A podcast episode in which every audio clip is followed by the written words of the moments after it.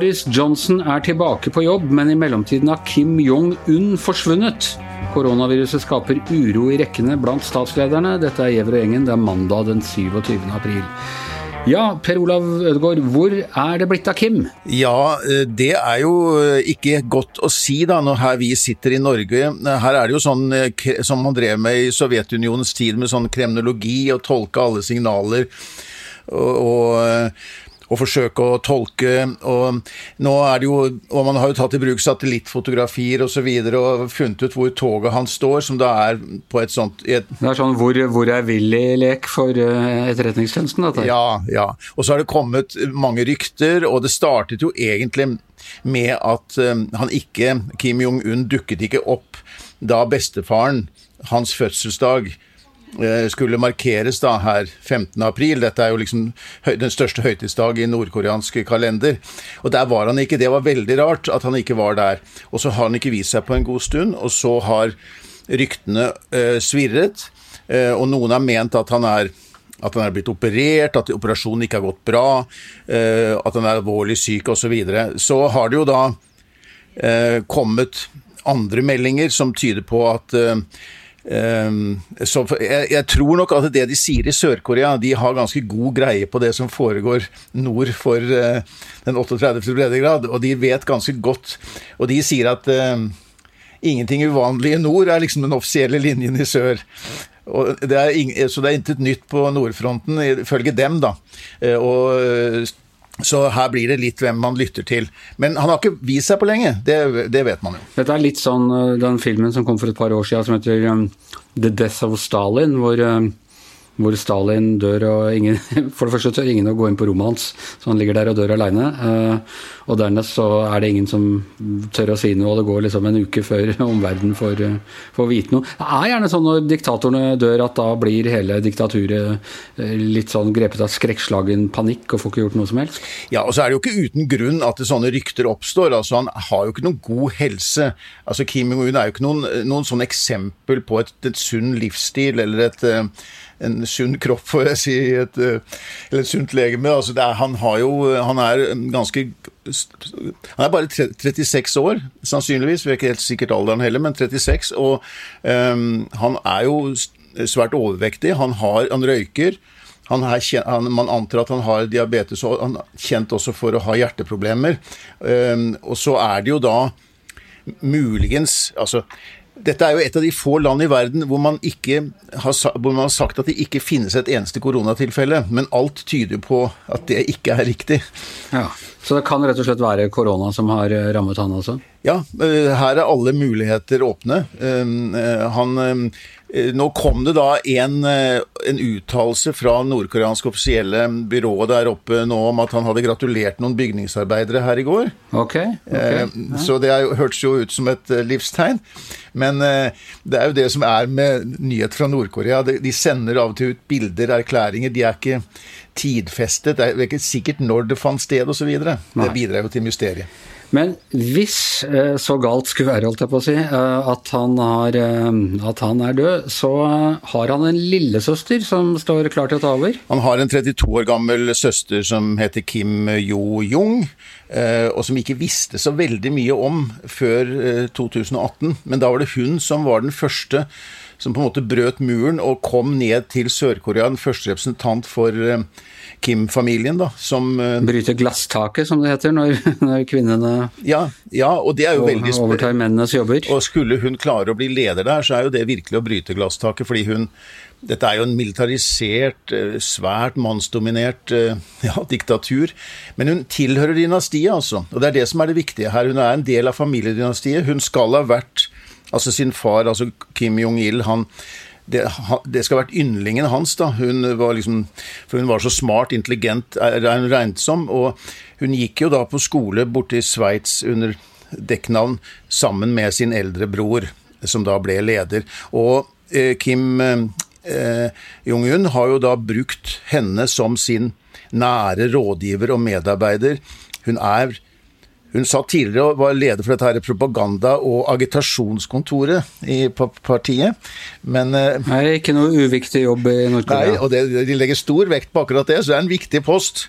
Ja. Um, uh, og, og, så ble hun, og så er hun inne i politbyrået, og det er jo en veldig mektig stilling, da. Og du, du nevner at hun er en slags uh, Nord-Koreas Ivanka? Det ble hun kalt av amerikanske medier. Jeg var jo selv i Sør-Korea da i forkant av uh, OL, og det var jo vinter-OL i Sør-Korea som på en måte åpnet litt opp eller ikke bare litt, men det åpnet opp Ehm, til en kontakt mellom nord og sør som ikke hadde vært der siden krigen, og som senere førte fram til toppmøtet mellom Kim og Trump, som vi husker i Singapore den sommeren etter. Og, Der de ble forelska, rett og slett? Nettopp. Og, men, men den, den, de varme følelsene startet egentlig med at um, Eh, Kim Jo-jung, altså søsteren, lillesøster, reiste til sør. Og der var hun Hun opptrådte i mange sammenhenger. Hun var hun smilte, hun, var, hun viste på en måte et slags annet ansikt da, av dette regimet. Eh, og det var hun som ledet disse møtene. Når de hadde møte med Sør-Koreas president, eh, Moon, eh, så var det hun som da på en måte var ledet den nordkoreanske delegasjonen. Og det var da de kalte henne Ivanka. Er hun like tjukk og usunn som broren? Nei, hun er jo en, eh, hun er jo en eh, eh, ganske så elegant og, og ja, slank ung dame. Og hun tok seg jo godt ut. Jeg husker når jeg var der, så ble det bemerket da, Det var sørkoreanske medier da, som skrev at hun, at hun var liksom sånn Hun, hun kledde seg ganske sånn nøkternt og hadde brukt ganske lite sminke, men alle la vekt på hvordan hun framsto i offentligheten. Det var jo litt sånn eh, Dette er jo mannsdominerte samfunn. De legger veldig merke til når det er kvinner som da på en måte kommer frem der. Eh, Sør-Korea har jo også hatt en Der har de jo faktisk hatt sterke kvinnelige lederskikkelser eh, mange ganger opp gjennom historien, men i nord så er dette uvanlig. Det, det var, så hun gjorde jo et, virkelig et inntrykk, da. Det var egentlig en annen storebror som stakk av og prøvde å få politisk asyl i Disneyland uh, Hongkong, var det ikke? Jo da, men uh, det, har vært en del andre uh, i familien der som ikke har vært like Altså dette, Jeg tror hun her er ganske så både hensynsløs og på partilinjen, akkurat som sin, sin bror. Og så har det vært andre som har vært mer opptatt av eh, musikk og Disneyland og det gode liv, eh, og de muligheter og de privilegier som den jobben kan gi dem. Så de har jo da, de, men så var det jo da den yngste sønnen som fikk Som ble utpekt til å etterfølge Eh, Kim Jong-il, da, faren som døde da i 2011. Så han hadde nok større tro på han da, enn del av disse eldre. Og så har vi jo sett hvordan det har gått med en del andre i familien som er blitt oppfattet som en trussel, eller som på en eller annen måte har opponert, eller altså dette er jo sånn, Det er jo sånn Moskva-prosessen om igjen, altså, som du har sett eksempler på etter at denne unge Kim Jong-un overtok eh, i 2011. Jeg tipper at vi, vi, vil skjønne når han er død, for da begynner fjellene å gråte. For det husker jeg de gjorde da, da Kim Il-jung døde i sin tid, ifølge nyhetstelegrammene fra, fra Nord-Korea. Fjellene gråt ved hans død. Det er sant. Men et, bare et lite ting, eksempel på at hun er ja hun er en sterk eh, arvta mulig arvtaker her, er at eh, vi husker disse bildene av eh, Kim Jong-un på en hvit hest med et sånt eh, Og der er det, det familiestatsmerke også på hesten der, og, og, med flotte bakgrunn, med det hellige fjellet der i bakgrunnen osv. Der figurerer hun ridende sammen med ham, altså på en annen hvit hest. Og dette er et sånt tegn på at når du da eh, får den type oppmerksomhet, da er du eh, eslet til noe stort. Det blir spennende å se om glasstaket brytes. Uh, Yngve Kvistad, uh, Boris Johnson er tilbake på jobb. Har du savnet han? Var det godt å få han tilbake? Ja, det er veldig godt å få han tilbake. Jeg må si det, og det er jo, eh, det, jeg skulle si det er ikke bare jeg som syns det, men det syns jo nok også store flertall av briter. I håp om at det skal kanskje skje noen ting der. Det, uh, har dette styrket han eller svekket han sånn En ting er det innad i hele det rottereiret av, av britisk politikk, men blant briter flest, tror du? Har han vist menneskelighet på en måte de relaterer seg til, eller svakhet på en måte de forakter? Det der er det som man vil kalle et veldig interessant spørsmål, Anders. fordi at eh, Jeg er helt overbevist om at eh, Boris Johnson har styrka sin posisjon ute blant briter flest, men han har så til de grader svekka sin eh, posisjon innad i sitt eget parti. Eh, der har det jo vært tilløp til revolusjon før. altså Boris Johnson han er jo ikke en akkurat spesielt eh, samlende kar. Han eh, går jo for å være splittende også i, i egne rekker. Nå er for ikke det noe spesielt for verken Boris Johnson eller andre Tory-ledere eller, eller, politiske ledere i hele tatt. Men det er litt spesielt med at Boris Johnson ble båret fram av en sterk eh, gruppe på høyresida, det som gjerne kalles den militante høyresida i det, konservative partiet. Og de er jo de samme som nå begynner å reise seg i, eh, i moten. Da. da han kom tilbake på jobb i dag, så var noe av det første han måtte forholde seg til, at det har vært et møte i den såkalte 1922-komiteen i hans fravær. Det fant sted like før eh, helga. Dette er jo den backbencher-komiteen Eh, blant, blant Torry-MP-er, eh, Torry-parlamentarikere, som da har eh, rett og anledning til å avsette enhver sittende partileder, og følgelig også da regjeringssjef i Torry-partiet.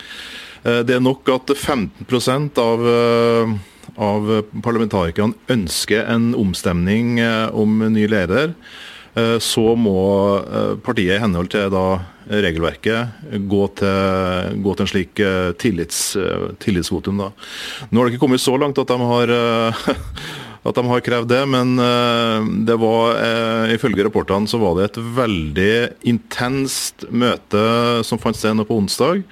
Og Det mange etterlyser, er jo da en konkret plan for hvordan, hvordan Storbritannia skal komme seg ut av den lockdown som de er i nå, som har vært inne i en måneds eh, tid. 23.3 eh, ble hele landet praktisk alt eh, nedstengt. Og det brummes jo fælt i, blant, i britisk næringsliv, ikke minst. Store deler av det private næringslivet er jo også nedstengt. og I motsetning til Norge så har de ikke så rause understøttelsesmekanismer. Så det er rett og slett en sterk frykt for at det som gjerne blir kalt motoren i, i britisk økonomi, altså det private næringslivet, kan uh, gå på en smell og ikke være i stand til å, å reise seg igjen. Foretas det målinger, slik det gjør andre steder, uh, på oppslutningen? Uh til Boris nå? Vet man liksom hvor sterkt han står i folket? Det var jo en måling rett etter at han ble syk. og Da hadde han en approval rating som heter på godt norsk på godt over 55% i hele befolkningen. Men igjen det er ganske interessant at det er nettopp altså, blant, Han står sterkere blant folk flest enn, enn blant sine egne, og også sine egne velgere. Det er en stor del konservative, altså, eller de på høyresida av det konservative partiet, som begynner å være ganske skeptiske til måten han har håndtert uh, dette på. Det kommer jo på toppen av altså, eller for å si sånn, Det er jo litt av Boris Johnsons modus operandi. dette her, ikke sant? Han, han, eh, for en måned siden så sa han jo bl.a. At, eh, at tester det skulle gå opp fra 10 000 til 25 000 per dag. og Deretter skulle det økes til 250 000 tester per dag. og Da var det faktiske tallet det var 6583 tester som ble gjort per dag. I dag er det 100 000. Men ikke sant? han har konsekvent overkommunisert altså antall tester og hva regjeringens bidrag er. Og, og like konsekvent underkommunisert det han sjøl har lova. Det litt som når han holdt på med det der, den valgkampen sin under brexit og sa at de skulle spare 350 millioner pund i, i, uka, som også viste at det var bare tøv. Men eh, 55% Per Olav, sånn i, i verdensmålestokk, er ikke veldig høyt det eh, blant ledere i denne koronakrisen? Jeg tror jo at eh, en del av de andre landene på kontinentet har jo sett atskillig høyere oppslutning. F.eks. Angela Merkel som får rekordhøy oppslutning jeg tror åtte av ti tyskere sånn sa at hun gjorde en god jobb nå. Ehm, og hennes parti også har fått eh, økende oppslutning. Vi har sett det samme med Conti i Italia, som Yngve har vært inne på tidligere.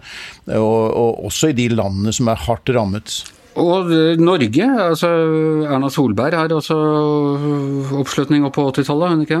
Jo, virkelig. Altså, det er, ehm, det er det som er fellesnevneren egentlig i disse landene, og selv de landene som blir hardt, virkelig hardt rammet av det, opp, og ser den økningen. Eh, så det er egentlig USA som er litt av et unntak her, vil jeg si. Samtidig må man si, akkurat når det gjelder USA, jeg følger jo godt med på de approval-ratingene. Eh, Trump gikk jo da til en viss overraskelse fram da han endelig satte i gang med tiltak. Så etter hvert som han har falt ja, Stadig har vært rare ting, så faller han tilbake igjen. Men han faller ikke lenger tilbake til da, der, enn der han var. Sånn, altså approval rating på rundt 45 prosent. Så den store forskjellen går liksom mellom de som øker i oppslutning, og de som bare beholder den.